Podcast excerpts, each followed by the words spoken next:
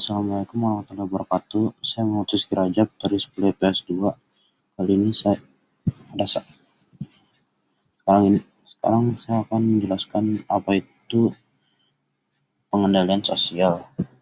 Pengendalian sosial adalah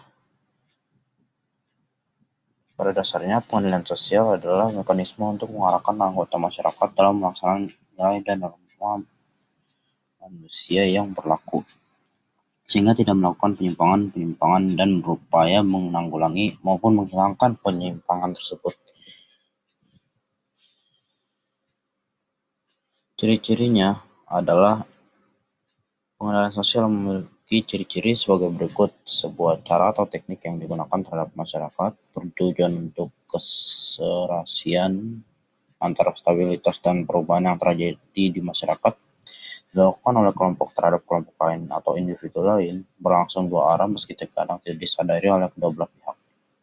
Sifat pengendalian sosial yakni preventif yang berarti mau dilakukan sebelum terjadi perilaku menyimpang dan juga represif yang merupakan pengendalian yang dilakukan setelah terjadi penyimpangan.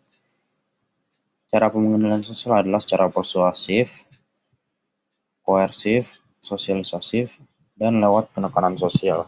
Sekian dari saya, Muhammad Rizky 10 PS2. Wassalamualaikum warahmatullahi wabarakatuh.